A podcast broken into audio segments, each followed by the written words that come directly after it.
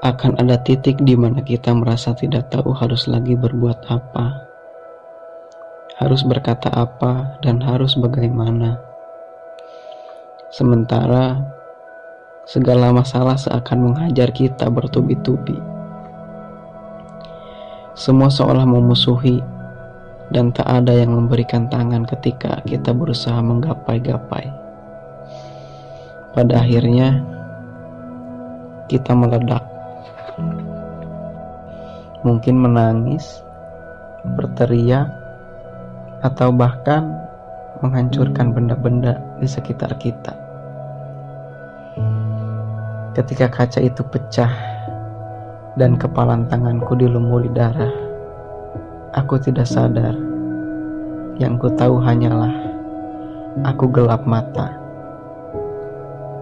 Aku menyalahkan dunia atas ketidakadilan ini.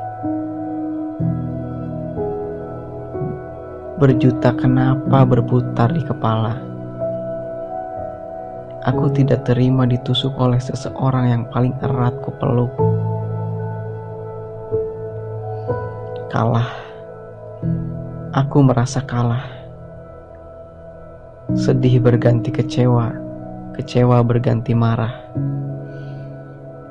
Ironisnya, menjadi marah adalah hal yang menyenangkan. Betapa kita senang membiarkan dendam tetap membara, panas, tanpa kita sadari. Bara itu memah semudun lagi. tanpa kita sadari, bara itu membumi hanguskan segala kebaikan yang ada di dalam diri kita. Aku pun terdiam. Cukup lama.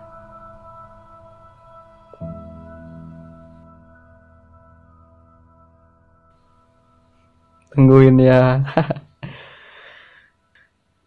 Aku pun terdiam, berusaha mengembalikan kesadaran. Ini keliru pikirku. Emosi hanya akan membuat seseorang menjadi bodoh.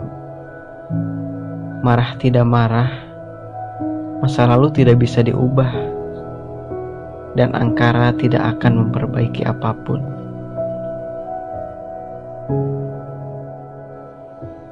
Takkan mulia kau menunggu permintaan maaf.